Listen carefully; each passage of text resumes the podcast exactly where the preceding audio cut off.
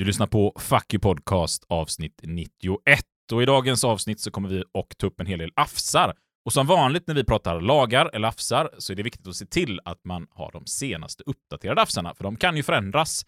Det här avsnittet spelas in 2024 januari. Och det kan ju ske förändringar, så det är viktigt att alltid gå in och dubbelkolla, även om man lyssnar på vår podd och tycker att den är ett väldigt bra stöd. Gå in och dubbelkolla. Har det tillkommit något nytt? Har det skett några förändringar? Och glöm inte, ha kul ibland också. Sebastian, du kommer komma in på mitt kontor lite grann. Absolut, absolut. Jag har en fråga jag måste ställa till dig. Hur tycker du att det går här på företaget? Eh, nej men jag tycker väl att det, det går väl generellt bra. Ja, men det låter bra. Då, då skriver jag ner det här så är vi, Ja men, nej, men så är vi klara. Det var inte så mycket mer jag ja, behövde. men jag tycker ju också att det är lite... Tack, vi är bra här. Ja, vi håller på och kartlägger hur folk mår på jobbet. Det räcker så. Tack. Du, jag tänkte på de här riskbedömningarna som jag gjorde här. Det, alltså, oavsett vad det är för grejer här så är allting bara grönt, Sebastian. Ja. Ja. Det, det kan väl inte stämma? Liksom. Här är det ju uppenbara risker. Jo, men alltså, tänkte vi sätter det grönt här eh, på hela den här så blir det lättare för oss alla. Ja, men det, är på riktigt, det, liksom, textmässigt så står det att det är risker att dö. Okej, det, det är två grejer. Jag, jag är inte så jävla high på det här med datorer för det första då, så jag har inte riktigt fattat hur man byter färg på den här heller. Så jag bara satte grönt för att jag råkade klicka i det en gång, så nu är ju allt grönt. Och sen är det en kostnadsfråga också, så sätter vi rött då måste vi göra det nu. Men sätter vi grönt, men då kan vi ändå så köra, du, menar, ni vet ju nu om att det är farligt, så undvik bara att liksom stoppa inte in händerna i maskinen och i svarven och så, så det är inte svårare än så egentligen. Så jag tycker det är onödigt att sätta en färg på det som inte är grönt, för men det, det är inte så farligt i alla fall. Ja, eh, nej men för att avsluta det här lilla medarbetarsamtalet som jag ändå tycker har gått ganska bra här. Eh, finns det någonting som du, Sebastian, vill skicka med till mig som chef? Någonting jag kan jobba på eh, för dig för att det ska bli bättre eller sådär? Ja, nej men det, det, är, det är väl typ bra så. Kanske bara om man... Ah, Det skulle vara lite lättare att kunna ge kritik. Vad menar du? Vad menar du? Vadå lättare att ge kritik? Ah, Är det svårt att Det ge får väl vara kritik rimlig eller? jävla Nej, men kritik? jag så. sa Men det får väl vara lite jävla relevans i grejerna man lämnar i så fall? Ja, jo, men jag tänkte att... var- Nej, nej, vet du vad? att Det är bra. Det är bra. Det är bra. Tack. Det här medarbetarsamtalet är slut. What the fuck are we doing out here? I ask you, what in the fuck are we doing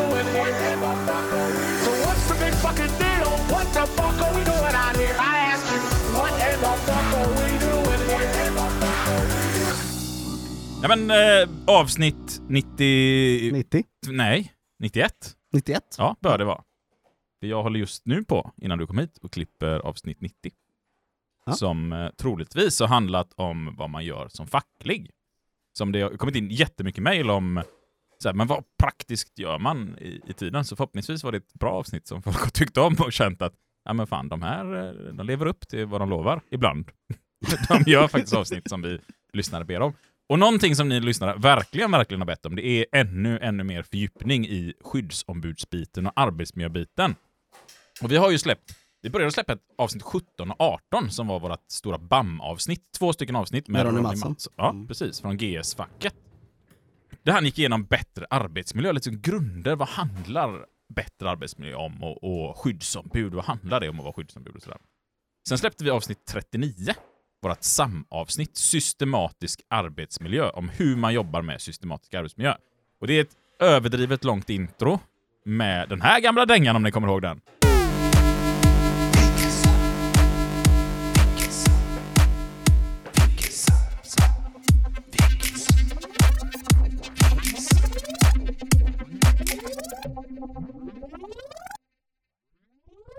Vilken samlåten som jag knappade ihop där. Och du sitter och skrattar som en dåre där. Kanske det sämsta introt vi har gjort, ett avsnitt där ni får tävla om vilken Sam som ni tycker är bäst i 40 minuter innan avsnittet börjar. Så ska ni lyssna på det avsnittet nu för att ni inte har lyssnat på det, så kan man spola, vi säger i början av avsnittet, typ 25 minuter i början. För att det är... Ja.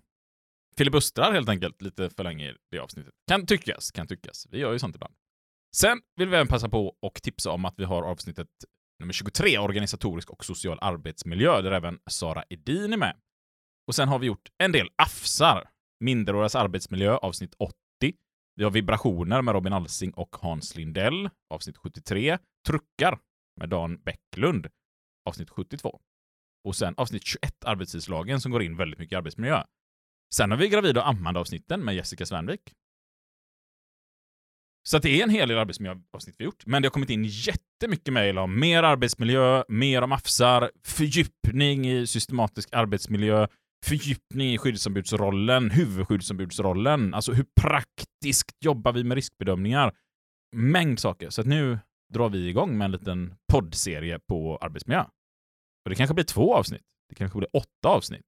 Vi, vi vet inte än så länge. Vi ska fylla på med hur mycket som helst. Och då är det ju inte dumt att vi är oss i podden så har vi just våran kära Sebastian Borssén som till vardags jobbar med vadå? Arbetsmiljöutbildningar. Det är alldeles, vilken jävla slump att Ja, vi har fått med sjukt. dig i den här podden. Ja. Tänk att 90 avsnitt och sitta här tyst och bita med läppen och inte kunna säga någonting. Nej, men vi, vi tänkte, vi, vi, väldigt viktigt är väl egentligen här att om man inte har gjort innan, lyssna åtminstone på paragraferna som vi pratar om i samma avsnittet. Det är som du säger, spola fram där, för det hänger ihop. Det är inte det vi kommer bryta ner på egentligen nu. Vi kommer fokusera egentligen på en paragraf som är paragraf 8 i systematiskt arbetssamarbete. Och det är kanske ingen jätteslump att du är med och grundar den här podcasten. För det är ett stort intresse. Du har varit huvudskyddsombud i många år innan du började jobba med detta också. Jobbat med förhandlingar och arbetsmiljö i många, många år och föreläst och varit ute och hållit kurser på detta i väldigt många år. Du börjar bli en av de här gamla rävarna som man säger. Bara sådär köta om samma gamla skitsaker hela tiden tycker folk. Ja, Ja, nej. en övervintrad. En övervintrad person. Ja, Ja. Nej, men det, här, det här är någonting som jag tror framförallt vi måste lägga fokuset på. Och det vi kommer lägga lite fokus på, det du pratar om här lilla serien när vi lägger fokus på arbetsmiljö, är att göra rätt från början egentligen. Alltså, jag märker när folk kommer på kurser, jag märker hur folk gör när de pratar. Alltså de letar efter nästa lag, nästa AFS, nästa någonting som ska kunna äntligen sätta liksom, knäppen på vad är det det handlar om. Och det jag tror som egentligen är lösningen på allt är att göra rätt från början. Alltså, lyssna på BAM-avsnittet med Ronny Mattsson. Gör det för guds skull. Vad är det han säger egentligen? Och ta med er det till en början med. Börja bara att lokalt jobba med de grundläggande sakerna först, innan man börjar bryta ner mängder med afsar och andra saker som det nu kan tänkas vara som ska påverka på arbetsmiljön. För att ofta är det att vi inte gör rätt från början. Ofta riskbedömer vi inte, vi gör inte undersökningar, vi går inte rätt skyddsronder. Vi går skyddsronder, men går vi rätt skyddsronder? Granska er själva egentligen för de här avsnitten och ställ er, gör jag rätt ens? Från början. Och vi släppte ju för ett tag sedan vårat eh, MBL Crash Course-avsnitt. där vi verkligen gick på djupet i MBL. För det är egentligen samma princip där. Folk klagar på att oh, vi har ingen makt och det är svårt att förhandla och vi blir aldrig bjudna på förhandlingar, företaget gör inte sitt jobb. Återigen, liksom, vad är grunderna i MBL? Det är en helt jävla fantastisk lag som är helt jävla grymt bra. Och det handlar om att använda de här basic-grunderna som man egentligen kanske borde lära sig på sin första fackliga utbildning. Men man kanske inte förstår djupet av dem då, utan behöver komma in i verkligheten, gå på ett par nitar och sen fokusera på djupet. Och det tror jag vi missar. Vi missar att verkligen gå i djupet på de sakerna vi en gång har lärt oss. Så att det här kan vi väl likna med vårt liksom fördjupande MBL-avsnitt, som extremt många handledare har sagt med att fy fan vad nyttigt det avsnittet var. Nu kommer ett sådant avsnitt för arbetsmiljö. Vet du vad Isak? Bryt där, bara kör vilken Sam igen.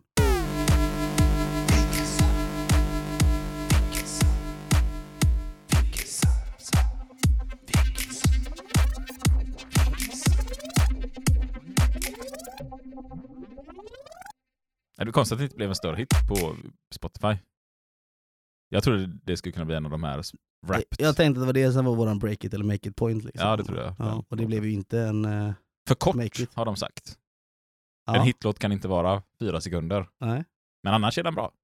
Vi får eh, skicka till Avenyklubbarna och se så att de löser så att det här blir någonting utav detta. Vi tar den igen. Kör på det.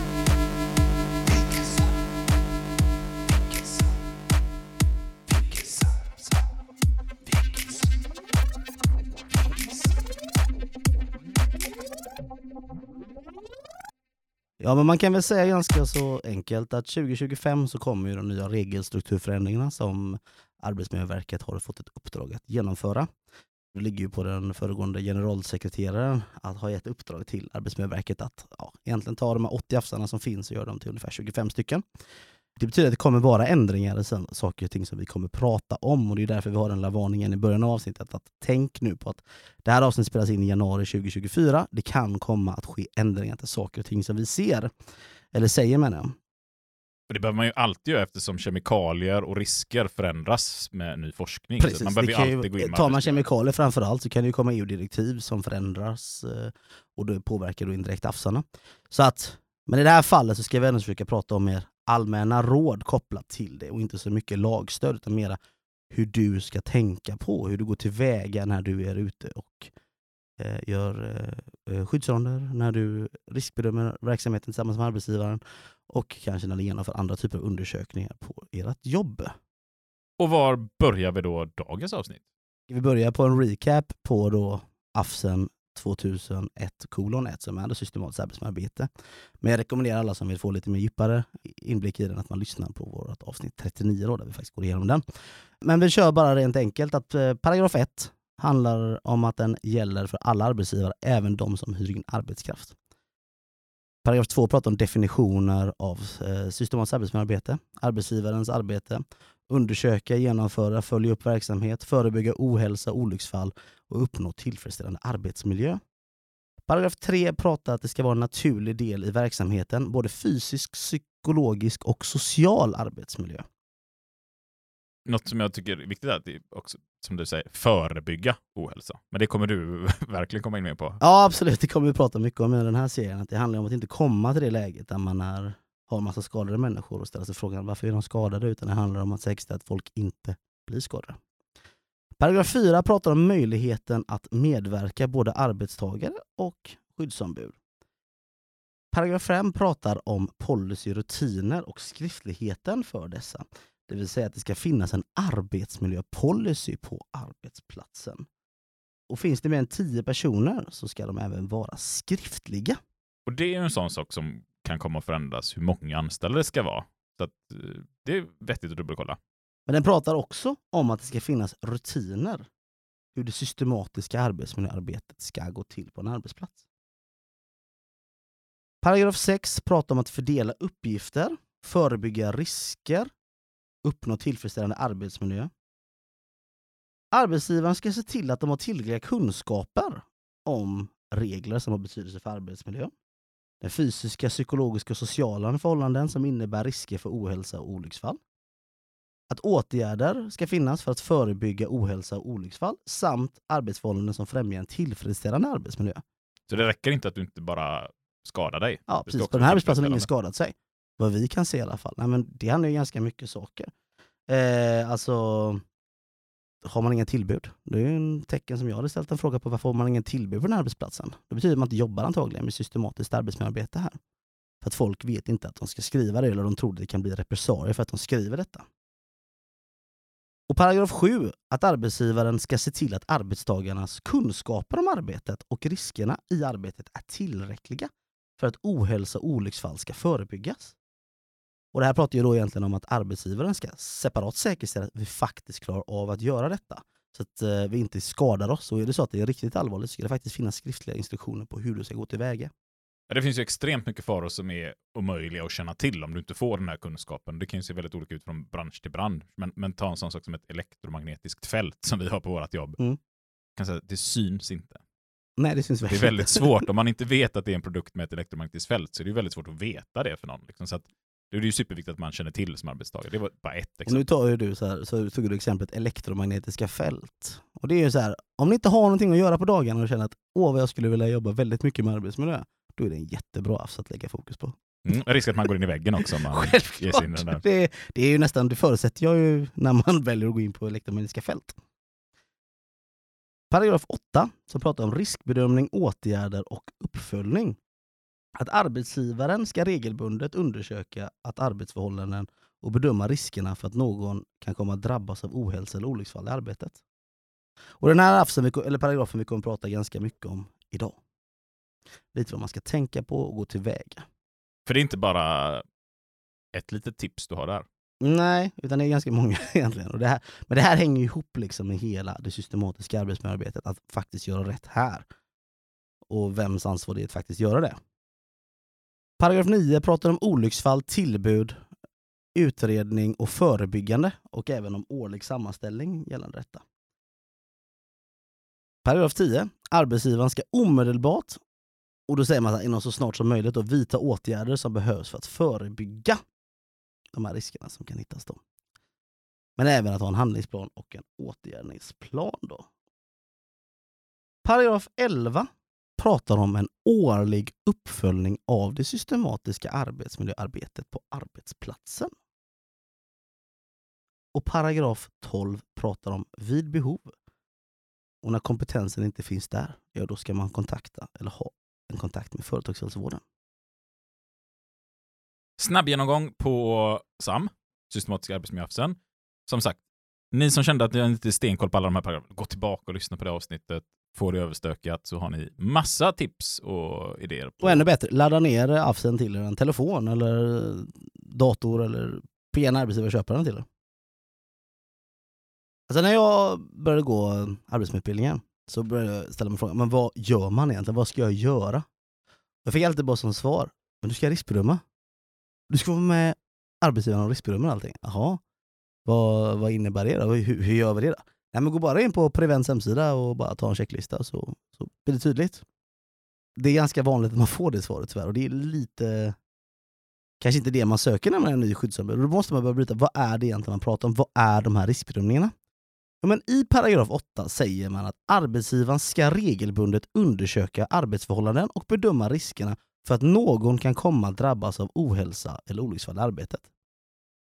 Andra stycket pratar om när ändringar i verksamheten planeras ska arbetsgivaren bedöma om ändringarna medför risker för ohälsa eller olycksfall som kan behöva åtgärdas. Och I tredje stycket pratar man att riskbedömningarna ska dokumenteras skriftligen och i riskbedömningen ska anges vilka risker som finns och om de är allvarliga eller inte. Men för, liksom, för att göra det här tydligt i praktiken då. Jag står och jobbar med någonting.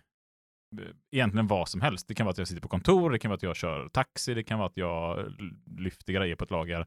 Det arbetet jag utför, det ska från början ha varit riskbedömt. Mm. Man ska titta på vad finns det för risker i det här arbetet. Och så fort en förändring sker i det här, ja, då ska man riskbedöma om det. Om jag ska säga så här, när jag, när jag håller mina kurser så brukar jag säga att Eh, speciellt när man går min första kurs då, som är en samutbildning, så säger jag så här, bra, nu ska ni alla här få träna in en hjärnskada. För det är exakt vad det är att vara skyddsombud egentligen. Alltså det är att träna in, och likadant med med riskbedömningar, det är en hjärnskada som ska liksom gå in. När alla andra, åh vad trevligt att du har fått ett nytt bord Isak, vad fint skrivbord du har fått. Ja, det är jättefint. Då ska skyddsombud säga, ja, fint må det vara liksom, men det är inte så praktiskt för användningsområdet kanske som du behöver. Men om det är det då? Ja, då är det jättebra. ja, okay. men man ska ju hitta, vad är det för risker som, som kan finnas? Och så här, men vad riskbedömer man? Hur riskbedömer man? Jo men vi riskbedömer allting vi gör varje dag. Alltså jag menar, jag åker ganska långt när jag väl åker ut i skolan exempelvis. Då åker jag en timme i bilen och jag har ju aldrig krockat hittills. Så rent statistiskt sett så vet jag ju att jag inte krockar när jag åker till jobbet. Men det betyder inte att jag sätter mig i bilen, blundar och bara kör och tänker att det här löser sig. Men jag bara trycker på gasen och svänger lite då på ratten. Det är grönt liksom, ingenting kan hända. Precis, liksom. det har ju inte, jag har inte krockat hittills. Så nu är det is risker. ute exempelvis. Ja, men jag har ju åkt tidigare på is, jag har ju inte krockat då med. Så jag kan Nej. fortsätta blunda och bara köra. Det gör man ju inte, eller hur? Utan vi gör ju hela tiden risker. Men hur hanterar vi de riskerna? Jo, men vi sitter i bilen, jag sitter och gasar. Det är inte så att jag har aldrig krockat när jag har svängt vänster ut i liksom byter fil. Men det gör jag istället för att jag krockar inte för att jag har gjort åtgärder som säkerställer att jag inte krockar. Jo, men jag börjar med att kolla i sidospeglarna, jag kollar också döda vinkeln och så märker jag att här kommer ingen bil, jag blinkar och svänger ut. Det är ett sätt att hantera en risk på exempelvis, för risken där är ju att krocka. Så vi alla gör ju olika typer av riskbedömningar till vardags. Ja men typ exempelvis här, eh, din fru kom hem, hon har varit och, och handlat och du drar ju ett skämt där att hon måste ha vunnit på Lotto. Och hon hade råd att handla på en dyr mataffär och inte på den billigare mataffären. Liksom. Ja. Då gjorde du en riskbedömning och tänkte, är det här läge nu eller kommer hon få frispel att hon har varit och handlat åtta påsar mat med tre barn och skriker på det, men hon kan handla själv då liksom? Ja, nej men hon skrattar. Hon skrattar, så ja. då var ju risken där. Du bedömde att risken var låg i alla fall. Och Just där. Just där. I morse var det annorlunda. ja. ja, men precis. Så vi gör ju hela tiden riskbedömningar i liksom vardagen. Och vad, vad kan man riskbedöma? Jo men det kan vara flera för, förlåt, men lät vi inte lite som en sån här typisk boomer-podd nu? Ena, hur, hur jag drar dåliga skämt till min stackars fru som har... Då sitter vi och skämtar om det här nu. Det får ni leva med ni lyssnare. Ja, det hände, verkligen, inte- det hände verkligen precis när vi tog Ja. en liten så här ben, Ja, eh, liksom paus här nu. ja liksom, jag får reflektera över mitt liv här känner jag nu. ja, precis. Ja, så, hon gör ju alltid allting och du står bara och skämtar runt henne. Och, Ja. ja, kast. och nu gjorde jag då en riskbedömning och kände att du skrattade. Alltså, så att det, Ja, men jag, med, jag sitter lite och tar åt mig och känner, nej då. Ja, nog om mitt liv och eh, min framtida familjesituation. Ja, men, så, så risker finns ju överallt. Och, och likadant så finns det, liksom, ja, men står man med en svarv, ja, men kan man fastna i svarven? Ja, men hur kan man jobba bort de här riskerna som egentligen kommer i senare eh, paragrafer? Här då. Alltså att hitta åtgärderna och eh, ja, handlingsplan på hur man gör förändringar. Men det handlar ju om att identifiera riskerna. Och då finns det olika typer av riskkällor. Och de här riskbedömningarna kan ju ta, gå jättefort eller ta väldigt lång tid beroende på vad det är för typ av risker och hur stora förändringar det är och sådär. Och jag skulle säga att det vanligaste som vi stöter på hos oss, det är att man liksom inte har gjort riskbedömningarna från början. Och då blir det liksom jobbigt och besvärligt. Eh, häromdagen här så skulle vi sätta in en ny lift på ett ställe. Och så liksom, ja men jag hjälper dig superskyddsområdet, så gör vi en snabb riskbedömning så vi är klara. Och så var vår miljö och kvalitetsavdelning med. Och så sätter sig miljö och kvalitet och vårt huvudskyddsombud ner och så liksom så här, men vi tar fram eh, grundriskbedömningen. Så lägger vi bara till den här nya liften och så är det klart. Och så liksom så här, vad menar du? Den borde väl finnas någonstans. Nu ska vi inte hänga ut eh, den här chefen, för han är helt ny på det här stället också, men precis att det verkar inte ha funnits någon riskbedömning som tidigare. Och då blir det ju en jättegrej. Men i normalfallet, om man har skött allt som det ska, då har man ju hela tiden en grund att utgå ifrån. Precis, det blir ju lättare och lättare. Och jag menar, det är ganska vanligt när man pratar om mindre arbetsställen att cheferna känner att det är omöjligt för dem att göra riskbedömning. Jag brukar säga så här, men det har du redan gjort, redan nummer ett. Vi är ju inomhus nu liksom, exempelvis i- och utför arbetet. Varför är vi det? Alltså redan där har man ju hittat en risk att om vi står ute, typ som du då som jobbar i, i på bilverkstäder, varför inte alla som har vara utomhus på parkeringsplats liksom? Ja, Utan varför ska vi man... inte göra reklam för firmor som har gått i konkurs här och fått polisutredningar på sig. Men, Jo men han var ju ja, känd bil... Köp inte en bil där. Han kan kvar, men han, kä- känd bilmålvakt i Göteborg som stod Ja. på en P-plats liksom längs Ja. med en motorled. Men bara- arbetsmiljön där såg inte ut att vara så bra. Nej. Men eh, han har ju exempelvis inte kommit till stadiet, exempelvis lite större seriösa aktörer här, att man är inomhus. Och, ja, men, de har kommit på inomhus att fan, vi behöver kanske ha vatten ifall det börjar brinna så vi kan släcka, eller om vi behöver tvätta händer och duscha. Där har man hittat risker med att de inte kan tvätta eller få bort eh, andra kemikalier, eller vi har luft, vi har ventilation. Alltså, det finns ju ganska mycket som man redan har jobbat med riskhantering, fast man bara tänker inte på det. Och det är exakt samma sak, man måste tänka till det här lilla momentet som kanske bara ska adderas. För det är inte att bara göra en förändring, utan det handlar om att allting som kan ge en effekt. Vi hade det problemet på min gamla arbetsplats där jag var på, på fabriken. Det var att det bara, alltså företaget tyckte att de bara la till små saker som inte var så farliga. Men när man väl byggde ut det så har de nästan lagt till dubbelt arbetsmoment. Och då kan vi säga, jag byggde bagageluckepaneler. Liksom. Ja, och då skulle man sätta på, eh, så var det bara liksom, det var en vanlig del, de skulle lägga några delar i en maskin, trycka på en knapp. Sen blev det lite fel i passformen. Ja, men då kan du bara lägga till en tejp där. Ja, Okej, en tygtejp trycker jag på. Sen så blir det så här, ja, men nu ska vi sälja till den kinesiska marknaden och då måste ha en, en sån här vi, Sverige och EU införde ju det här eh, CE-märkning och då svarade ju eh, kinesiska staten med att det ska vara en CCC-märkning på den för att få säljas på den kinesiska marknaden. Du ska bara sätta på den också. Så nu är det plötsligt en tejp och en lapp. Och sen så var det ett annat fel, så slutändan satte man på fem klistermärken och lappar och allting. Och det var ju nästan lika många moment som det var från början. Men Man det, tänker att varje grej är en sån liten grej så det behöver vi inte tänka precis, på. det är bara en liten grej. Men vilken rörelse gör jag? Hur sätter jag tejpen? Hur är handleden formad? Hur är, hur är axeln? Alltså de här sakerna måste man ju ta med sig i beaktning. För då blir exempelvis, i det fallet så blir det när jag säger så här att man riskbedömer enligt SAM, men det vi måste lägga fokus på här, det blir belastningsergonomin också. Och vi, jag kan säga, vi har bilmekaniker som, som står och lagar bilar som behöver gå in i 20-30 olika datasystem för att göra en normal reparation. Ja. I värsta tänkbara scenarierna här nu då. För att det är liksom, ja men garantin det är där, försäkringsärendet är där. Ja men ska du bara kolla den här rutinen, då, då går du in där. Och så till slut liksom, men alla är väldigt, väldigt små grejer. Men som du säger, när man väl plussar ihop allt och inser att varje morgon ska jag nu logga in i 20 stycken hemsidor innan var det en. Mm. Det, det blir rätt mycket mer, men det är svårt att se det från skillnad till skillnad. Liksom. Och redan där har man ju bara, kan man ta exempel, varför ska man jobba med SAM? Jo men det finns ju en besparing också för företaget att faktiskt jobba med SAM. Nu pratar vi om ganska light saker här. Det kan ju vara allt ifrån att man ska börja med eh, farliga moment eller alltså roterande eh, vad heter det, motorblock eller vad det nu än kan vara som kan vara farligt. Eller att man ska jobba med patienter som är sjuka. Alltså det här är ju sätt som man behöver hela tiden riskbedöma momenten för. Åtminstone kanske också upplysa personalen. Det betyder inte att alltid åtgärder måste vara att man löser det idag. Det är väldigt viktigt att komma ihåg att det kan ju vara så att man måste ju alltid när man jobbar med systematiskt, då finns det ju med. Det finns ju inte göra en åtgärd och sen är det klart. Det blir aldrig klart, utan du måste hela tiden jobba med det. Och det är det man pratar i det här samhjulet som hela tiden liksom eh, dyker upp. Och, och vad innebär samhjulet? Ja, men samhjulet handlar ju om att arbetsgivaren då först ska undersöka, sen ska man göra riskbedöma, sen ska man åtgärda detta då som hittas på riskbedömningen. Sen ska man kontrollera att sagda åtgärder faktiskt ger den effekten. Och sen får man undersöka om det fortfarande finns risker. Och det här går som ett hjul, för det här pågår kontinuerligt. Uppfyller man det, då har man liksom en bra systematiskt arbetsmiljöarbete på sin arbetsplats. Det jag tycker är liksom det bästa med det här hjulet också, det, det, du, tog, du tog exemplet att det ska vara en hjärnskada, att skyddsombudet liksom ska ifrågasätta de här nya grejerna med en gång. Även om man Alltså minst i sig själv, alltså Ja, men i sitt huvud. precis. Liksom. Vad kan jag hitta för fel här? Precis, och, och, och det kan låta som "Åh, det är den här bittra jäveln som bara ska klaga på allt. Och jag vet att man blir bemött så ibland liksom. Men lyfter vi nivån ett par snäpp? Vad, vad tusan gör man när man köper ett nytt bolag? Ja, vi ska köpa den här konkurrenten där borta. Vi anlitar en sån riktig jobbig jävel som hittar massa fel och, och liksom ska leta, så man verkligen söker alla risker som finns inför ett sånt här stort uppköp. Då har man insett vikten av det. När man ska liksom bygga om en fabrik, då försöker man hitta en konsult som kan optimera och göra allting så bra som möjligt. Och i ett av våra avsnitt när vi var i London, jag och Jim, så tittade vi på den här stora taxitillverkarens, eh, som var en av Englands mest moderna bilfabriker, och vi liksom nästan skrattade när vi var där och åt mycket arbetsmiljöfrågor och bara kände så här, alltså fan vad de tappar pengar på den här arbetsmiljön och fan vad tid det tar för dem att inte ha bättre verktyg och sådär. Och jag kan lova er, ta de mest rutinerade skyddsombuden man har i en liknande stor fabrik, skicka dit dem och de kommer hitta liksom mer besparingar än vad bästa liksom, affärsutvecklare ni kan hitta kommer att ta in.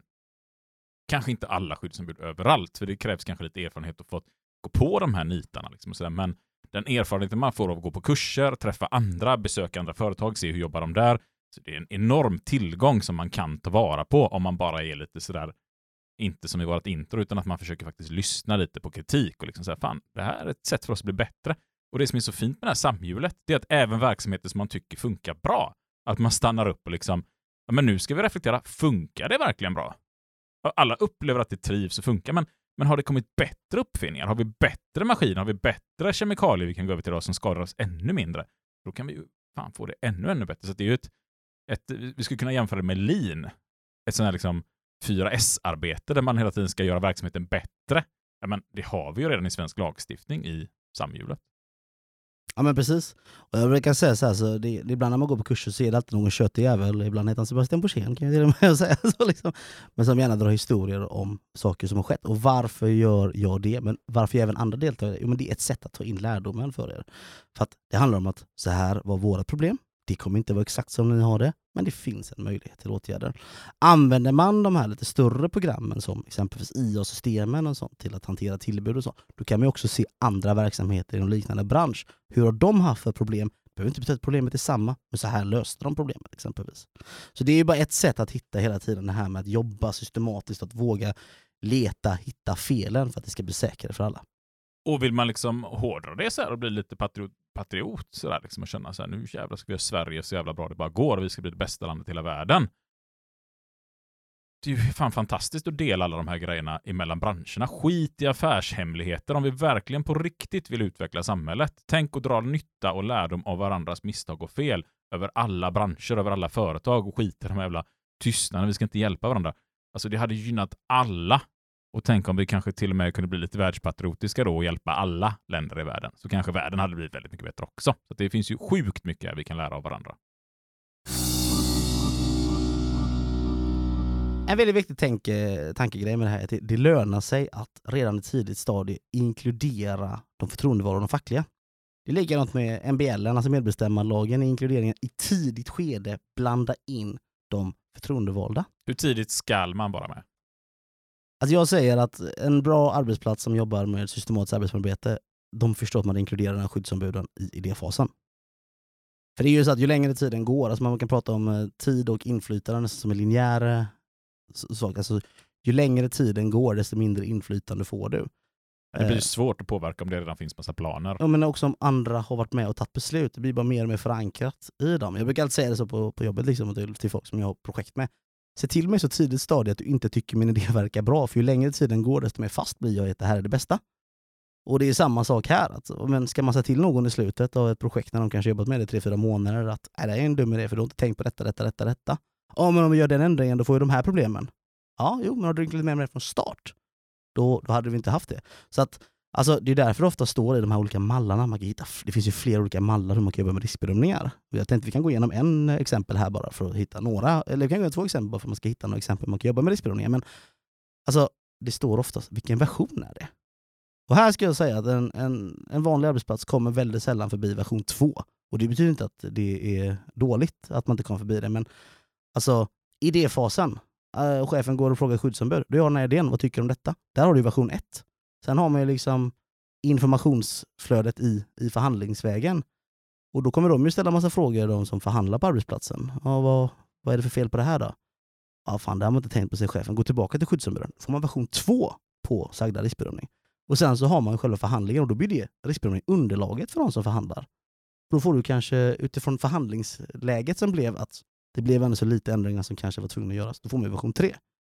Och sen måste man då, efter man har genomfört, så måste man komma tillbaka till samfrågan då. Ja, men utvärdering, alltså blev det som vi tänkte oss? Eller behöver vi tänka om och gå tillbaka till undersökning då? Och då börja jobba om på kulan. Så blir man klar med ett projekt? Nej, det är svårt att säga.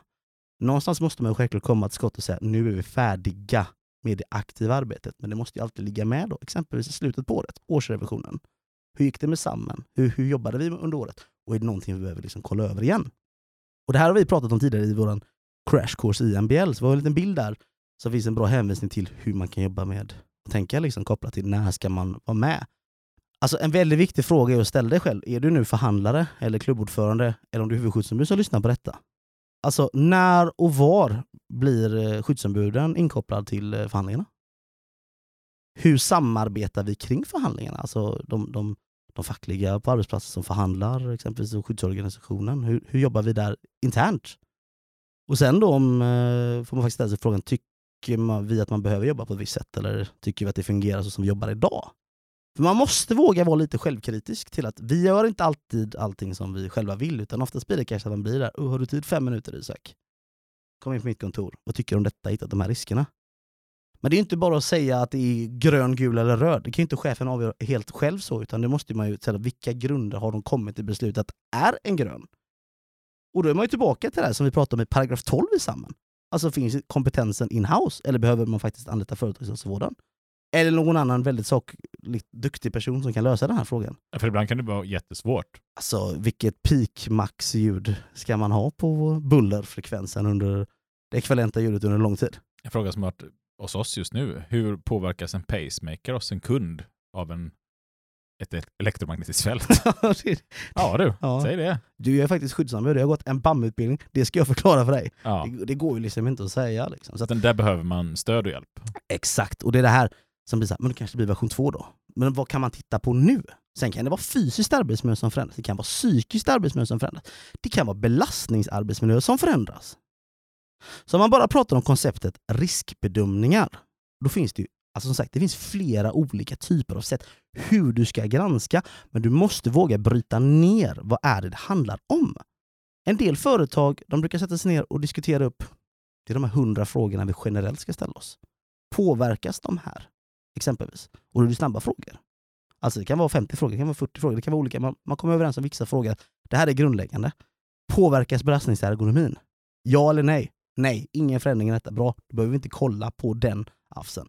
Påverkas exempelvis eh, stresspåslag? Eh, nej, det gör det inte. Nej, okej. Kommer det någon typ av ensamarbete? Ja, det gör det. Då får vi kolla på den afsen exempelvis och bryta ner vad är det som påverkas på detta. Påverkar det sociala att du inte kan prata med en kollega eller få stöd eller någonting utav detta? Eh, ja, då får man kolla på detta och hitta då att det blir grön, gul eller rött på det. Det kan vara sätt att bara bryta ner till rubriker. Så att tipset, fastna inte i de här mallarna som kanske vissa säger till er, men sätt er ner med företaget och ta en diskussion. Så här vill vi att vi riskbedömer. Så här vill vi att vi gör med riskhanteringarna exempelvis. Och så här vill vi att vi gör med åtgärderna. Väldigt viktigt att komma på. ni som skyddsombud, det är inte ert ansvar att göra riskbedömningen. Det är er arbetsgivare som ska säkerställa att personalen inte utsätts för onödiga risker. Så det är också väldigt viktigt att komma ihåg att det är faktiskt arbetsgivarens ansvar att säkerställa att de här blir av. Och om de då säger blir blunda för att det inte finns några risker med detta, ja då är det i slutändan deras ansvar också. Men då har man ju andra verktyg för att gå tillväga. Jag bedömer inte att den här åtgärden har gett exempelvis då det effektet som vi behöver. Vi behöver till en annan undersökning exempelvis. Och då kan man göra det via en 6.6a, alltså ett eh, krav om åtgärd. Och har man som arbetsgivare råkat ut för en riktigt hemsk olycka på jobbet och inte vill hamna i fängelse, så är det ju ganska bra att man har gjort en riskbedömning. Sen om det ändå har skett en olycka, så ju bättre riskbedömning utförd, ju större chans har man ju att bli friad som att ja, men det här är en olycka och det var, det var svårt att liksom se att det skulle komma. Men är det en dåligt genomförd riskbedömning, eller ingen alls, då, då är det ju inte, det är inte ett jättebra läge man har när man blir åtalad. Nej men precis. Och du som skyddsombud behöver inte känna dig så orolig för det, för du är inte ansvarig. Nej. Nej, men om man ska bryta ner det väldigt, väldigt simpelt. Alltså så här, vad är en riskbedömning? Ja, men då kan man alla gå in här nu på någon typ av sökmotor och så söker ni ADI 575 söker jag här nu. Anders Daniel Ivar 575. Jajamensan. Så går du in på Arbetsmiljöverkets hemsida. Precis. Och då får man upp en väldigt simpel liten broschyr som heter Riskbedömning inför ändring i verksamheten. ADI 575. En väldigt alltså, enkel och simpel sån förklaring på vad man kan göra. Det här betyder att det här är den enda. Som sagt, det här är ett sätt att göra riskbedömningar på. En ganska kort guide som är väldigt pedagogisk och tydlig. Eh, läs igenom den, för den går snabbt. Men om vi går igenom lite kortfattat tillsammans då, så börjar det med ett ABC för riskbedömning inför ändring i verksamhet. Och då handlar det om att precisera den planerade ändringen. Vad består ändringen av? Var ska ändringarna genomföras? Och vilka arbetstagare eller grupper av arbetstagare berörs? Det är liksom frågor man ska börja ställa till sig själv i riskbedömningen. Exempelvis då första frågan, vad består ändringen av? Och det kan ju vara personalneddragningar, produktionsförändringar, förändrade arbetstider eller som du var inne på innan, utökat arbetsinnehåll. Man lägger till en arbetsuppgift. Nya arbetslag, gruppsammansättningar, ändrade arbetsuppgifter, nybyggnation, lokalbyten, ändringar i befintliga lokaler, förändring av arbetsutrustning, maskiner, fordon, redskap. Alltså att man tar in någonting nytt. Nya kemiska produkter, ny ventilation. Att man verkligen tänker igenom var kommer de här förändringarna att genomföras. För det kan ju vara på ett litet ställe eller så kanske det är en hel organisation eller på dotterbolagen kanske också påverkas av det här. Så att man får liksom verkligen som att inte glömmer av något ställe. Vilka arbetstagare eller grupper av arbetstagare berörs av ändringen? Och det är väl lite in på det, det senare. Men det kan också vara så att det påverkar olika skift olika, om man nu jobbar i skiftgång. Det kanske bara påverkar nattarbetarna. Det kan ju vara så att en liten förändring på ett IT-kontor där man, ja men, som hos oss, där man har bestämt att vi, vi, vi, har ju ganska bra arbetstider hos oss, så att vi har ju inga som jobbar kväll eller helg. Och då har man ju varit smart och tänkt att men, vi gör alla uppdateringar i systemen på kvällstid eller helgtid. Och så tänker man inte på att det finns någon stackars facklig person i det här bolaget som, som sitter på massa kvällsmöten med, med sitt fackförbund på Teams och så plötsligt stängs datan av mitt i allt och uppdateras. Det kanske är svårt att upptäcka med riskbedömning eftersom det bara är en person. Men man får liksom klura, vilka är det som kan bli påverkade? Det kan ju också hända att eh, någon i det här rummet också jobbade som säljare på samma bolag och eh, en hel lördag försvann där med att man fick säga till kunderna men du, jag kan ringa dig på måndag, vad har du för telefonnummer? Jag kan inte skriva in det på datorn, men skriv gärna det på det här pappersarket. Och här glömde jag av alla ni då som var säljare i bolaget. Och jag tänker bara på mina medlemmar i IF Metall. Så där kan ju vi också göra jättemisstag. Sen kommer vi in på nästa steg här, och det är att göra riskbedömningen. När ni preciserat ändringarna och vet vilka arbetstagare eller grupper av arbetstagare som kommer att beröras av förändringen ska ni bedöma vilka risker för ohälsa och olycksfall som ändringarna kan medföra för berörda arbetstagare. Och då tittar man på det du var inne på. Man tittar både på det fysiologiska, psykologiska, emotionella. Att man tittar på all typ av arbetsmiljö. Och då är OSAFsen väldigt bra för de här förklaringarna. Vad, vad betyder de olika begreppen? Men de här frågorna kan ju användas också sen som har som standardfrågor för företaget att granska. Då. Kan, men vill, dyker det upp något arbete från höjd med de här förändringarna? Nej, det gör det inte. Eller hade vi det sedan innan? Nej, det gör det inte. Nej, men påverkas det då? Och för då behöver man ju granska den AFSen. Vad säger den då egentligen? Och, jag tycker det är så bra att ta fram en sån här liten checklista. Liksom. Här, här är det uppradat massa olika. Det är buller, vibrationer, arbetsutrustning, lokalanpassning, arbete från höjd, våld och hot. Och det kanske känns som man hoppar över alla de här punkterna. Nej, nej, nej, nej, nej. Men det är ju skitsvårt att bara sitta på ett rakt bord och bara, ah, vad är det för risker? Uh, ja du. Och vi fick en gång sitta med Robin Alsing, vårt gamla huvudskyddsombud, och han hade en utbildning för oss i motorbranschen. Och så sa han så här, nu ska vi riskbedöma momentet hissa upp en bil på en billyft. Och jag tänkte, men är du, är du bra trött nu eller? Det är vi klara på på två minuter. Och sen när vi satt där 20 pers och så skulle vi nästan tävla om att hitta risker, så slutade det med att vi gick in i väggen alla 23. Det, det, går, nej men det går att hitta så mycket när man väl börjar fokusera. Vad kan hända? Oh shit, ja, vi har ju kunder som går in i verkstaden. Och just det, ibland kanske du hissar upp någon i bilen som ska lyssna på något ljud medan du går in under bilen. Vad händer om den inte vet om att den har blivit upphissad för den har haft hörselkoppor på sig? Alltså det är så mycket risker som faktiskt Det kan är jävligt komma. olämpligt om de hissar upp någon i en bil för att lyssna på någonting och så har personen på sig hörselkåpor. Men det kan hända, det kan hända. det, ja, men alltså, vi ska försöka tänka liksom att vad är det som faktiskt kan hända och hur ser vi till att de riskerna inte sker? Ja, men, och, och det är ju basic grejer. Det är klart att du knackar på axeln och säger du, nu, nu hissar vi upp bilen, du kanske ska kliva ur. Eller ta av dig hörselkåporna. Nu sitter Sebastian och gapskrattar här. Men, men det har väl hänt att man letar fel med hörselkåpor på sig. Här ska man också passa på då att ta fram riskkällorna. Alltså, vad är det som kan uppstå? Vad är källan till det? För här kanske man behöver slänga sig in lite mer affsar för att få djupa sig i de här riskerna. och här kan man också tänka, men hur kan du få fram källorna? Ja, men ställ frågan varför några gånger till dig själv. Vi har ju pratat om det i podden, fem varför. Ja. Och det kanske inte alltid kommer till fem, men liksom, ju mer du använder det verktyget fem varför, som är en väldigt bra grundläggande princip att alltid leva efter, när det kommer till, till fackliga arbetet och skyddsarbetet, så blir det lätt att hitta. Ja men liksom så här, eh, så här hot och våld liksom. Så här. Och varför är det det? Jo, för att vi har alla kontanter uppe på bänken här bakom liksom, och vi har använder bara kontanter. Ja, väldigt dum grej. Lägg det i ett kassaskåp liksom. Ja, men precis. Sätt upp ett sånt klistermärke, eh, kontantfri zon. Eller liksom, det finns ju jättemycket åter att göra om man ställer frågorna. Se- Sen kan man ju säga, ja men ska folk verkligen råna? Nej, det är klart de inte ska. Men vi Men- vet att det sker. Här är en väldigt viktig grej att tänka på. Så här, som att, alltså det finns ofta en rädsla jag har märkt att ja, men nu, har vi, nu har vi för många risker. Hur lång får en riskbedömning vara? Alltså hur många, hur många sidor får det vara? Hur många, hur många punkter får det vara? Och tittar man på så här stora riskbedömningar så sitter jag just nu och är, jag ska, inte- jag ska inte säga att jag håller det, jag, jag har varit med på möten där vi sitter och tittar på det här nya EU-direktivet CSRD. Som står för Corporate Sustainability Reporting Directive. Där man ska egentligen bedöma alla jäkla risker som finns med klimatpåverkan, miljöpåverkan, politisk korruptionpåverkan i alla leden för det vi sysslar med. Så vi då som säljer och lagar exempelvis en bil tillverkad i Göteborg, då behöver vi bedöma var får de sina komponenter ifrån. Jaha, hur tar man fram oljan i bilen? Hur tar man fram kemprodukterna? Finns det korruption i de länderna? Finns det skinnklädsel i bilen? Hur är djurhållningen? Det här ska vi sitta och riskbedöma. Så att det är ju inte alla företag som behöver sitta med det här, utan det är vad man kallar för stora företag som ska in först och sen är det väl vad man kallar för mellanstora. Eh, och det är fler än 250 anställda en omsättning på minst 40 miljoner euro eller tillgångar på minst 20 miljoner euro som gör det här första skedet. Men det här kan ju komma att utökas.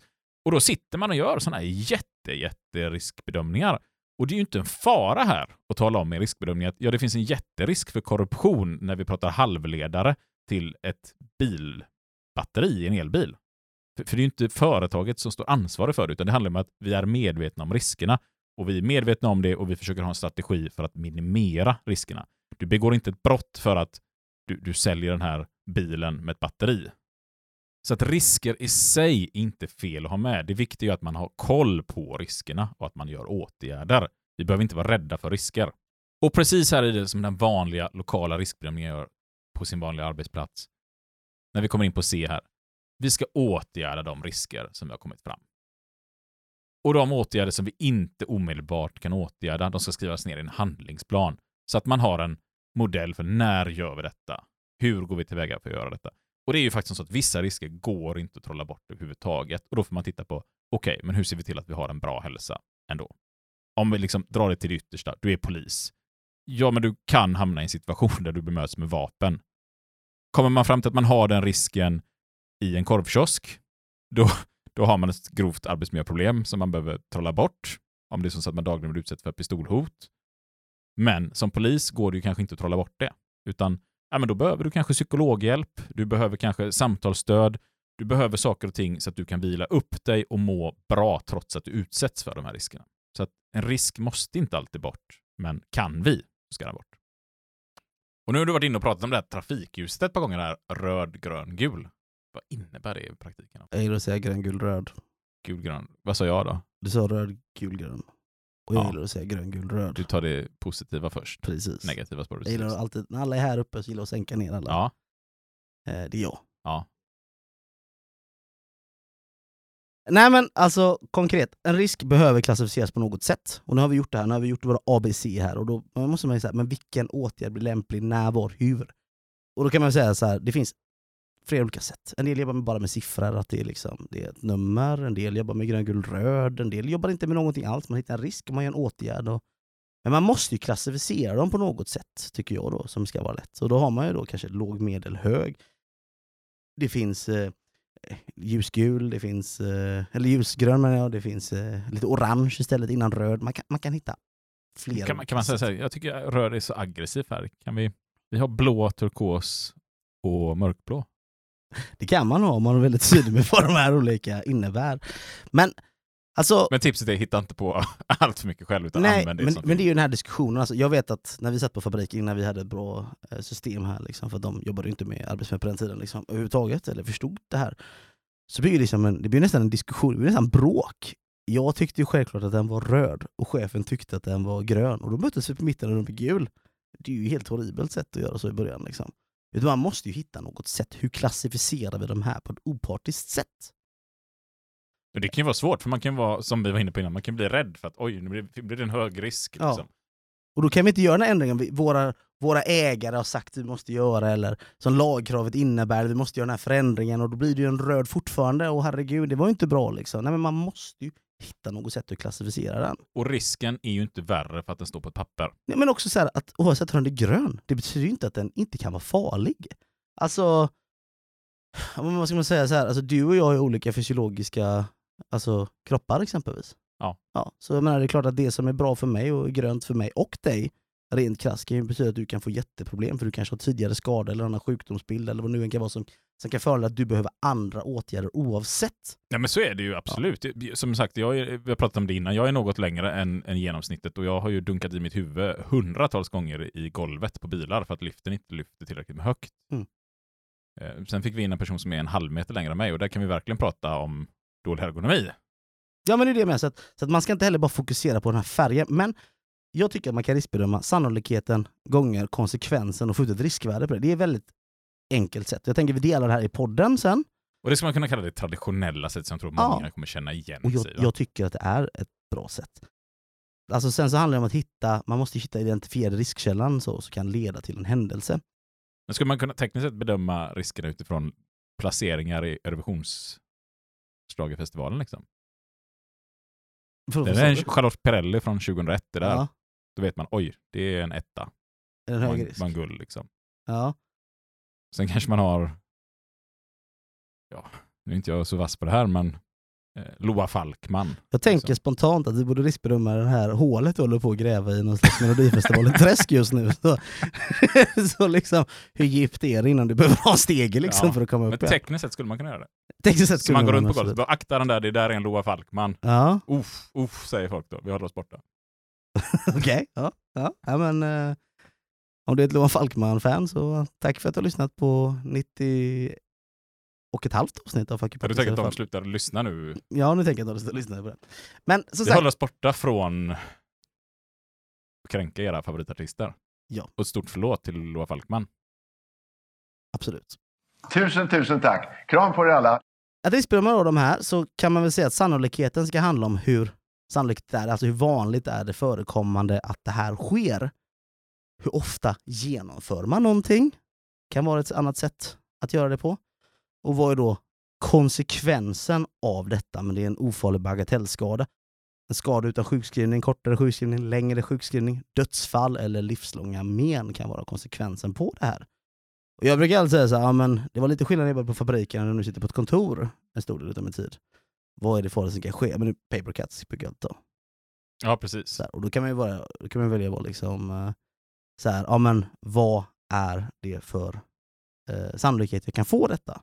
Ja, Men hur många, hur många pappersark kopierar jag i veckan? Ja, det- kan ju tekniskt sett hända varje dag nästan. Men 20 liksom. Ja. och då, då kan man tänka sig, ja, men vad är... Det är en så vanlig grej att jag gör det, jag gör det på daglig basis. Kan man välja att säga att det är i det här fallet då. Och då tar vi paper cuts. Och nu kan man välja att vara idiot och kan jag säga så här, men jag kan ju dö av eh, paper cut. Det är Ja. infekterat. eh, Jag, blir infekterad, men, också, men jag snubblar på det, tappar paper cut rätt över halsen, skär upp hela halsen. För Det låter ganska osannolikt faktiskt. Men, Extremt osannolikt, eller ja, hur? Nu tror jag infektionsrisken kan vara större då. Att man, får papercut och får info. Ja men det är det jag Ja. menar, alltså, man får ju ändå hitta vad är det vanliga, vad är det vi vill hitta riskkällan till? Ja. Men det är papercutsen. Vågar vi lova de flesta arbetsgivare här att om, om, om ni har bedömt ett papercut som relativt ofarligt så kommer ni inte hamna i fängelse för att någon får en infektion och dör. Så länge ni inte har missat det att oj, vi har massa infektionsgrejer på arbetsplatsen som flyger omkring i lokalerna för att vi inte har någon ventilation. Då kan man åka dit på det. Så bara så här. Precis, för det, Ja. det, och det var bra att du tog upp det, för det var det jag skulle komma till. Att det kanske handlar om att hitta andra riskkällor som finns också, kopplat ihop. Att bara riskbedöma ett moment kan bli väldigt, väldigt fel. Men det kan ju vara exempelvis här, men hur sannolikt det är att jag skulle snubbla på, på papper och få den på halsen. Det är jävligt eh, sannolikt om jag står liksom på väldigt konstigt ställning eller skrivaren är felplacerad eller vad det nu än kan vara. Eller hur ska jag hantera dem efteråt? Men om vi nu bara tar själva paper cuttet som vi kanske bedömer då som en konsekvens som dyker upp där. Jag skulle väl säga att det är en ofarlig bagatellskada egentligen. Eh, kanske skulle föranleda till att man skulle få en skada utan sjukskrivning. Och, och, då, Kanske. och då sitter vi här nu, det kanske är helt annorlunda om man jobbar inom sjukvården och jobbar med äh, infekterade patienter. Då kanske det här är en jätte, jätterisk som måste bort och du måste liksom få det omplåstrat. Men då kanske du till och med får en kortare sjukskrivning eller längre sjukskrivning och då ökar ju konsekvensen vilket gör att när du väl tar då sannolikheten gånger konsekvensen så kommer ditt riskvärde att vara mycket, mycket högre än vad det är då man får en ofarlig bagatellskada som i mitt fall, där jag kanske tar på ett plåster. Men hur ska man kunna motarbeta det här då? Alltså om man redan nu går in, vilket vi gärna vill, vi vill ju direkt hoppa på åtgärderna. Ja, Så rent krasst skulle vi kunna landa i att det här blir en grön. Det här blir väldigt grön den här frågan. Risken är låg och eh, även, om det är, även om det är mycket sannolikt att det händer så är riskerna väldigt låga. Så då blir den Precis, grön. även om det skulle vara en gul, om hur kan vi göra bort det? Men vi har gummihandskar eller handskar. Och på fuckypodcast.podbean.com så kan man gå in och klicka på affischer och blandat högst upp i menyraden så kommer man in på vår drive om man vill se de här bilderna som Sebastian pratar om. Ja. Eller så går man in på våra sociala medier, Facebook och Instagram under namnet Fucky Podcast. Så kan ni hitta de här bilderna som Sebastian pratar om. och hänga med i den här extremt virriga diskussionen. Ja, men det är nu har vi svårt att förklara en man nästan där digitalt, men det är ju jättebra att göra det om man kan gå in och kolla på, på, eh, på de här på sidan. Men, men ändå så här, nu sitter vi, vi har småskämtat lite om, om vi blir riktigt seriösa här. Så är det ändå som så att det är svårt att avgöra den här risken för att man måste utgå från vad är det vi sysslar med på arbetsplatsen. Så att även om vi skämtar till det här med att en läkare, det kanske är jätteallvarligt på en infektionsklinik, så finns det ju en sanning i det att man måste titta på vad är det vi kommer i kontakt med. För oss kan ett papercut som bilmekaniker innebära att du får kemikalier in snabbare i blodet så att det blir viktigt att då ha Och, skyddsutrustning. och, då blir, och, då blir så här, och det kommer in sen när vi ska riskbedöma till exempel den personliga skyddsutrustningen och kopplat till det där, men vad är det för typ av handskar? Ja, men är det tyghandskar? Ja, du kan ju fortfarande få in kemikalierna i kroppen, eller hur? Kanske gummihandskar du behöver ha för att hantera de här skärverktygen eller de skarpa kanterna. Eller sådana här som är halvt gummi med på, på fingertopparna och exempelvis tyg på baksidan för värmefråga. Så att det gäller att titta när du kommer ner till de här sakerna, att kunna bryta ut i åtgärderna. Men för att hitta de här alltså riskbedömningarna så måste du få ut sannolikheten och konsekvensen. Nu tar vi det här då. Då hade vi ganska ovanligt säger vi i det här fallet och jag får en ofarlig bagatellskada. Det vill säga att när jag väl bryter ner de här poängen då, så kommer jag få två på sannolikhetsskalan eh, och ett på konsekvensskalan. Det vill säga att jag får två poäng, vilket leder till en låg försumbar risk i behov utav en åtgärd. Och de här kan man räkna på lite olika sätt, men det är helt enkelt som så att här är bedömningen att ofarlig bagatellskada det är en etta i konsekvens. Skada utan sjukskrivning, en tvåa. Kortare sjukskrivning, en trea. Längre sjukskrivning, en fyra. Dödsfall, livslånga men, en femma i den här. Och sen ska man då ta det talet, konsekvenstalet, gånger sannolikheten. Där du hade då osannolikt en etta, ganska ovanlig en tvåa, ganska vanlig en trea, vanlig en fyra och mycket vanlig en femma. Och i det här fallet då ofarlig bagatellskada en etta, vanlig skada en fyra. Då får man fyra som svar. Och då landar man i det här vad som kallas en R2. Det är grönt. Och R2 kanske inte säger så mycket om man går ut och bara akta där du, det är en R2. Det kanske inte säger så mycket. Det blir lite som att skrämma upp folk och säga att "Eh, akta den Loa Falkman-stationen där. folk kommer inte förstå vad det är, utan det är viktigt att folk har kunskap kring vad innebär det här. Nej, men, ta, ta med dig, liksom, det kan ju vara så här, ja, men, du jobbar på en infektionsklinik och hur vanligt är det då att du går och träffar någon som är infektionskänslig? Det är ju ganska Eller det var jättehög. mycket vanligt, Ja, dagligen liksom. dagligen. Du gör det hela tiden. Ja, redan där har du fått en femma i poäng. Ja. Och ja, det kan ju ta, för, du kan ju ta på individen, och det kan ju vara dödsfall för den. Men vi kan ta för dig själv då, alltså, har personen några sjukdomar och du var på en infektionsklinik som kan ge dig några saker, ja men det kan ge längre sjukskrivning exempelvis. Där har du en R5 och redan där då behöver du hitta åtgärder för det är en ganska allvarlig risk som du utsätts för. Okej, vad behöver man tänka på? Handsprit för att motverka detta, kanske munskydd, heltäckande dräkt, handskar, vad kan det nu vara? Är arbetskläderna anpassade för förhållandet? Det är de här följdfrågorna som blir i åtgärderna sen. Men risken och själva riskbedömningen i, i grön guld är ju fortfarande det grundläggande. Du utsätts för infektion. Eller ja, någonting som är smittsamt. Nu sitter säkert någon lyssnare här som jobbar på en infektionsklinik eh, och, och säger att eh, det finns inte ens någonting som heter infektionsklinik. De vet inte vad de pratar om de här killarna. Och så kan det vara. Bara, infektion smittas inte om inte du har ett öppet sår. Liksom. Så, Ingen vi, aning. Vi kan inte om det här, men, men det var ett Men exempel. det är vårat fel för vi försöker vara inkluderande. Ja, vi försöker vara inkluderade och inte bara prata om bilverkstäder och Fabriker. Ja. Och I den här bilden då som Sebastian är här så pratar man ett riskvärde då. Och steg 1 är 1 till 2. Då är det klassat som en R1 här.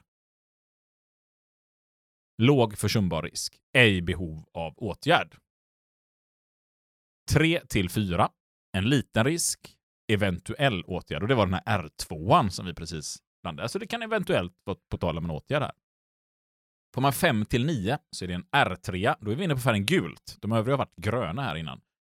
Och då pratar man om en medelrisk, viss risk. Åtgärdas så långt rimligt. Alltså man får någonstans göra bedömningen i rimligheten här. Sen har vi 10 till 14 och då är vi inne på en, en eh, börjar bli en ganska röd färg här. En R4, en allvarlig risk. Åtgärdas snarast. Och sen har vi 15 till 25, en R5. Knallrött kan jag ju säga här då för er som inte kan titta på den här bilden just nu. Hög, mycket allvarlig risk. Arbetet skall inte utföras innan åtgärd vidtagits.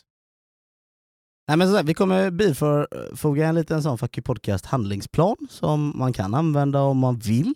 Eh, det finns som sagt flera olika. Ni har säkert några egna, men det kan vara bra tips på er som inte riktigt kommer igång med systematiska arbetsmiljöarbetet. Eller? Är det en avancerad eller? Nej, den är faktiskt väldigt, väldigt lätt, för den hänger ihop med de här poängen. Så du har en fråga egentligen som är riskbedömningen och vilket område exempelvis då som man skriver in. Eh, vilken konsekvens och sannolikhet får ut riskvärdespoängerna och då exempelvis som är de prioriterade åtgärderna.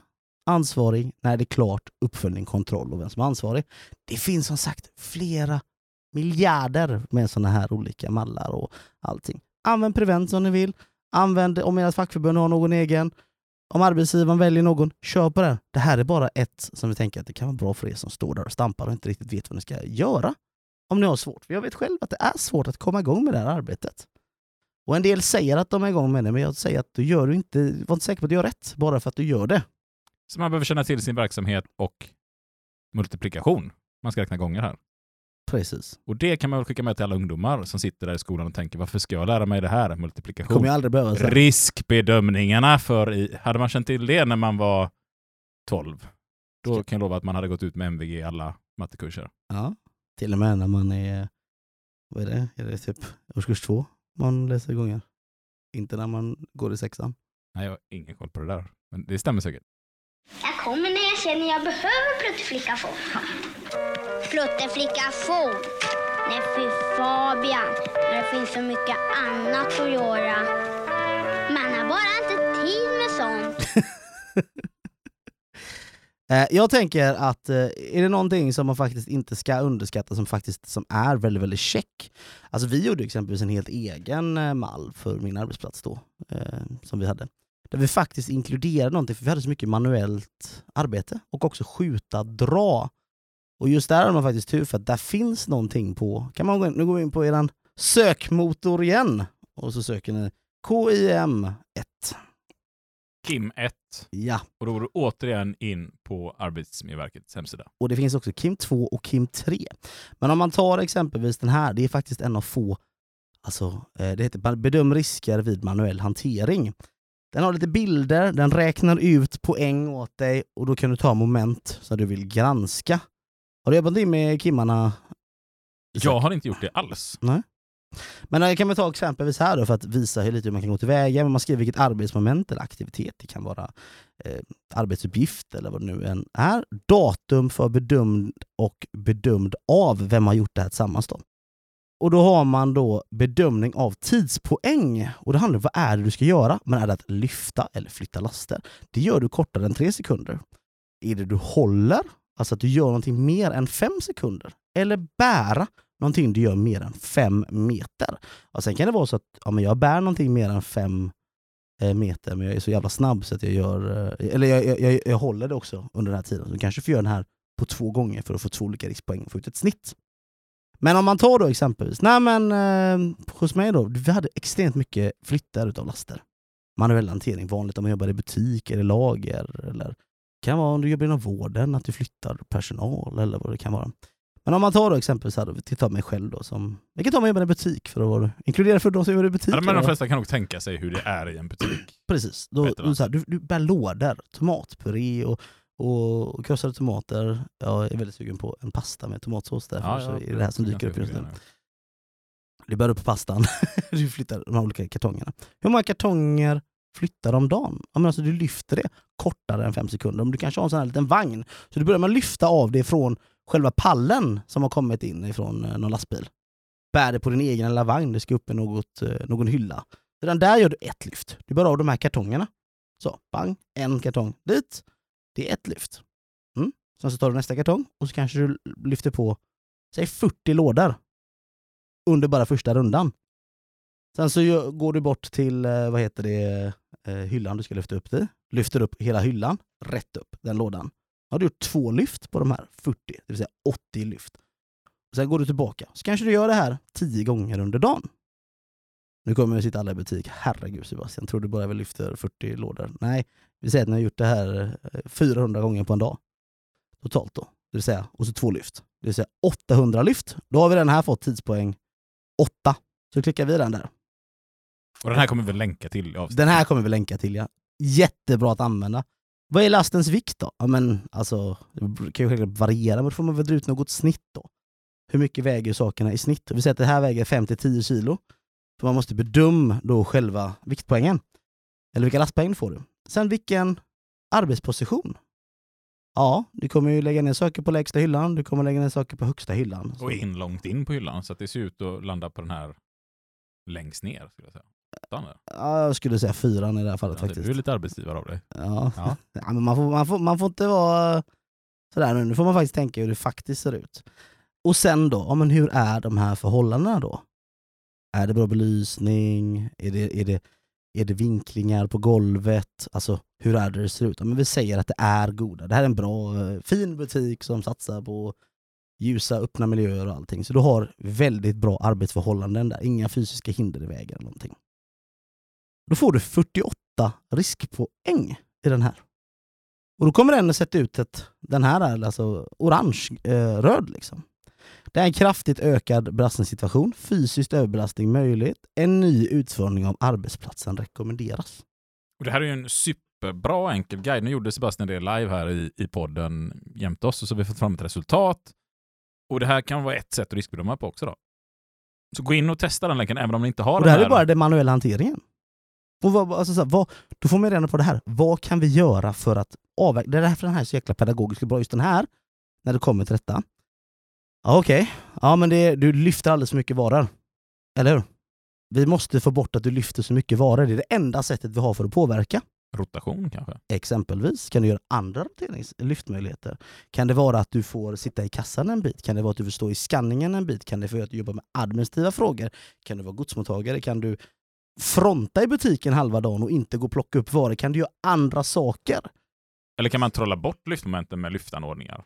Eller kan det vara att du bär in hela pallen med en elektrisk dragare? Det är ju nästa grej som är med liksom, vad, vad skjuta och dra? Eller kan det vara någon annan som bara står och lastar av lite och sen så har du bara ett lyft? Men vi säger att vi gör det, vi är så jävla duktiga på arbetsplatsen. Vi halverar våra lyft. Så istället för 800 så har vi 400 lyft istället på den här arbetsplatsen. Då kommer vi ner till 36 och den säger fortfarande att vi behöver göra någonting åt detta. Besvärliga Arbetsmiljöverket. För jävligt är det. Men vad kan vi göra då? Kan man bryta ner att man pratar som eh, kund då, till leverantören? Kan du göra de här mindre i vikten? Kan du- Öppna paketen innan man lastar ut, inte bära med sig hela paketet. kanske. Precis, kan man göra någon smart anordning så du kan lägga i lådan istället? Eller så att du slipper göra de här, att du lyfter en tomatburk istället för att lyfta eh, fler, för då får du ner vikten. Ja men vi säger att vi gör det. Vi, vi pratar med leverantören, de gör mindre eh, vad heter det, kartonger så att du slipper ha eh, vikt över 5 kilo. Ja men gött! Då får vi ner våra lastpoäng. Man tar ett samtal med eh, arbetsgivaren och säger så här, men vet du vad? Första våningen i botten och högsta hyllan över axlar, det vill inte vi jobba med. Så att du ska inte ha en, eh, liksom, någonting översta hyllan. Åtminstone absolut inte med någon vikt. Och vi ska bara ställa pallar under eh, på bottenplan eller vad det nu kan vara för att avverka de här höga lyften. Så vi får en bättre belastningssituation. Helt plötsligt nu kommer vi ner på 18 riskpoäng istället, vilket gör den här till mer gul mot gröna hållet. Det kan vara att personer med lägre fysisk kapacitet behöver en förändring på arbetssituationen. Och det är inte mer avancerat än så här. Alltså det här gjorde du nu på två, tre minuter. Mm. Jag vet ju att man har gjort det här hos oss också inne på lagret, till exempelvis för var ska vi placera de tyngsta produkterna i hyllan? För- För där kom vi fram till att den ena bilden här du visar med hur lyften ser ut. Ja, men om vi bara undviker att hamna längst ner i golvhöjd. Oj, det underlättar hur mycket ergonomiskt som helst. Så att det är en kort, liten snabb grej. Man behöver kanske inte ens ta bort, man kanske inte behöver förändra något, utan bara ja, men vi byter plats på de här två sakerna så har man fått världens förändring. Men då har man gjort sig sin riskbedömning. Väldigt snabbt, väldigt enkelt, inga konstigheter. Sen finns det ju kimmarna som handlar om skjuta-dra. Det finns även om eh, handintensivt arbete exempelvis, om du jobbar med, med vissa moment och hur du håller vibration. Sen finns det jätteavancerade sådana här forsknings eh, som heter RAMP och allting som går verkligen in jättefokus på hur du håller, hur du vrider ditt huvud, alla de här sakerna. Men det här är ett sätt att kunna titta på riskbedömningar och att hur du ska hitta åtgärder på det. Och det blir väldigt snabbt enkelt att fatta att jobba i butik är väldigt ansträngande. Och det är tungt. Och då måste vi hitta andra sätt. Och framförallt just det här att det, det kan vara monotont, att det är det som är problemet. För vi har jättemycket tunga lyft, vi har jättemycket komplicerade sätt du ska in i bilar och ligga upp och ner när du gör ett tungt lyft. Så här. Men ändå relativt få ergonomiska skador till, i förhållande till någon som kanske sitter på ett kontor och får en musarm som har en jättestor risk att åka på det om man inte har ett bra utformad kontorsmiljö. För att vi har så varierande lyft. Vi har så varierande arbetsuppgifter att du, du står inte och gör samma sak dag in och dag ut. Det, det finns sådana arbetsplatser och de som kanske står med däck och så. Där får man jobba extra mycket med det här. Liksom. Så att, ja, men det, det här är ju inte något påhitt som, som bara något skyddsombud har hittat på själv att så här ska det vara, utan det här är ju ordentligt med forskning och det är inte någon arbetsgivare som har suttit och sagt så här, det är inte mer risker än så här, utan nej, men det här är riktig forskning. Och det är därför det är så viktigt med de här alltså, politiska arbetet som fackföreningar måste göra. Att vi måste se till att det finns ordentlig forskning som inte är korrumperad. Alltså riktig forskning så vi vet, men vad kan vi påverka, vad kan vi förändra, hur mår vi bra? Nu Sebastian så har du gått igenom lite grunderna sådär igen i SAM och friskat upp vårt minne. Du har gått igenom lite grunder i riskbedömning och vi har tittat på två exempel av hur man kan riskbedöma. Det här är ju en, en djungel. Det kommer ännu fler avsnitt. Vi märkte ju att tiden sprang ifrån oss här redan. Det är ju så när du och jag sitter där under blir det tjötigt. Så att eh, vi tänker att vi får göra en tvåa på det här där vi kommer prata om skyddsrollen som jag faktiskt lovade vi skulle prata om idag. Där vi också ska prata om andra typer av undersökningar. Men även lägga fokus på exempelvis MTO och hälsokorset. Väldigt spännande saker för dig som skyddsombud och framförallt för er som inte är skyddsombud. För ta med det här i det dagliga MBL-arbetet. Det är liksom de första åren som facklig när man inte riktigt förstod vikten av att ta med alla de här bitarna. Både du och jag kommer från klubbar som har jobbat jättemycket med att det går inte att göra skillnad på arbetsmiljö och fackliga förhandlingar eller MBL, utan det måste hänga ihop alltihopa. Och det är, det, det är liksom den här, tycker jag, viktigaste saken man kan ta med sig. att Det här måste ske tillsammans. Det blir så mycket enklare att förhandla MBL sen, för det är bara att peka. Vad sa riskbedömningen? Ja, den kom fram till det här. Ja, ja vad bra. Det är inte så mycket mer att tillägga då. Kanske lönefrågan. Men med de orden så avslutar vi del 1. Och hur många delar det blir, det vet bara ni som fortsätter lyssna på Sveriges bästa podcast. Nej, det är det ju faktiskt inte. Vi har inte vunnit någon sån tävling. Men en, en eh, relativt bra facklig podcast om arbetsmiljö och sådär. Den är okej. Alltså, Det är helt okej. Jag tänker ju spontant att vi är Öjersbos bästa podd. Ja, vi ligger ju tekniskt sett inte riktigt i Örsbo utan lite utanför. Men det Det är blir... ju lite utanför Ersbos Ja, eh, bästa podd. bästa podd. Känn på den. Men eh, om ni vill så att säga hålla kitten kokande så att säga, så får ni gärna swisha in till våran podd för att vi ska kunna hålla igång serverkostnader och allt annat. Och också bli medlem i våran podd, där ni faktiskt kan vara med och påverka podden.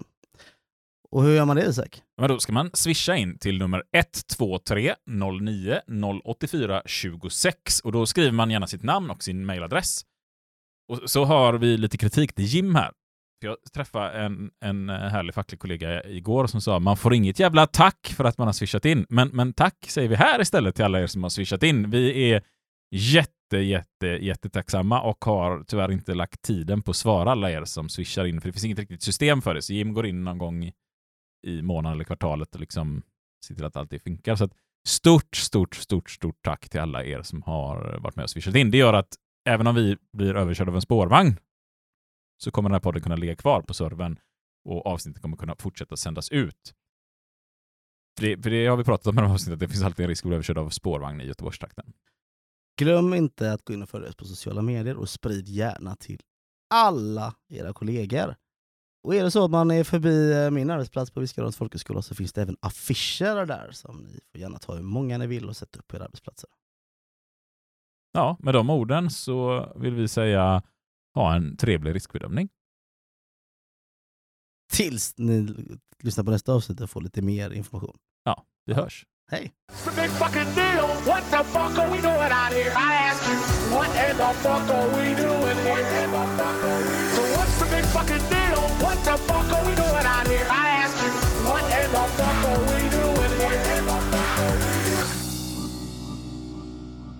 Paragraf 10. Jag hostar med sitter för de jävla biolerna som då och då får för sig att bara släppa lite skit. Så. Där måste dricka lite. Alltså de älskar ju bakom kulissen grejerna. De älskar att höra mina trasiga bihålor.